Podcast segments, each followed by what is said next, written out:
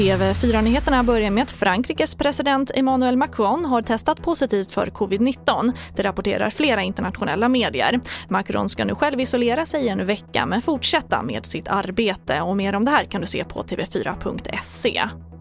Och Europa och USA är hårdast drabbat av coronapandemin just nu. Tillsammans står de för 85% av alla nya coronasmittade och 86% av alla dödsfall visar Världshälsoorganisationens rapport.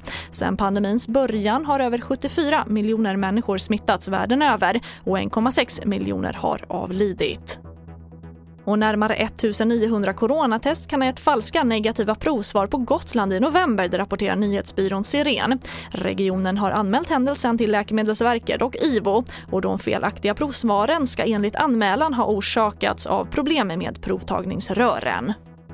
Och vi avslutar med att för en stund sen presenterades nomineringarna till årets Guldbagge och flest nomineringar fick Amanda Chanels film Charter. Charter fick hela sju nomineringar bland annat för bästa film, bästa regi och bästa manus. Och filmen utmanas av bland andra Henrik Schyfferts film Spring Uje Spring som också fått många nomineringar och Josefin Bornebuschs film Orka. Och mer om det här kan du se på tv4.se. Jag heter Charlotte Hemgren.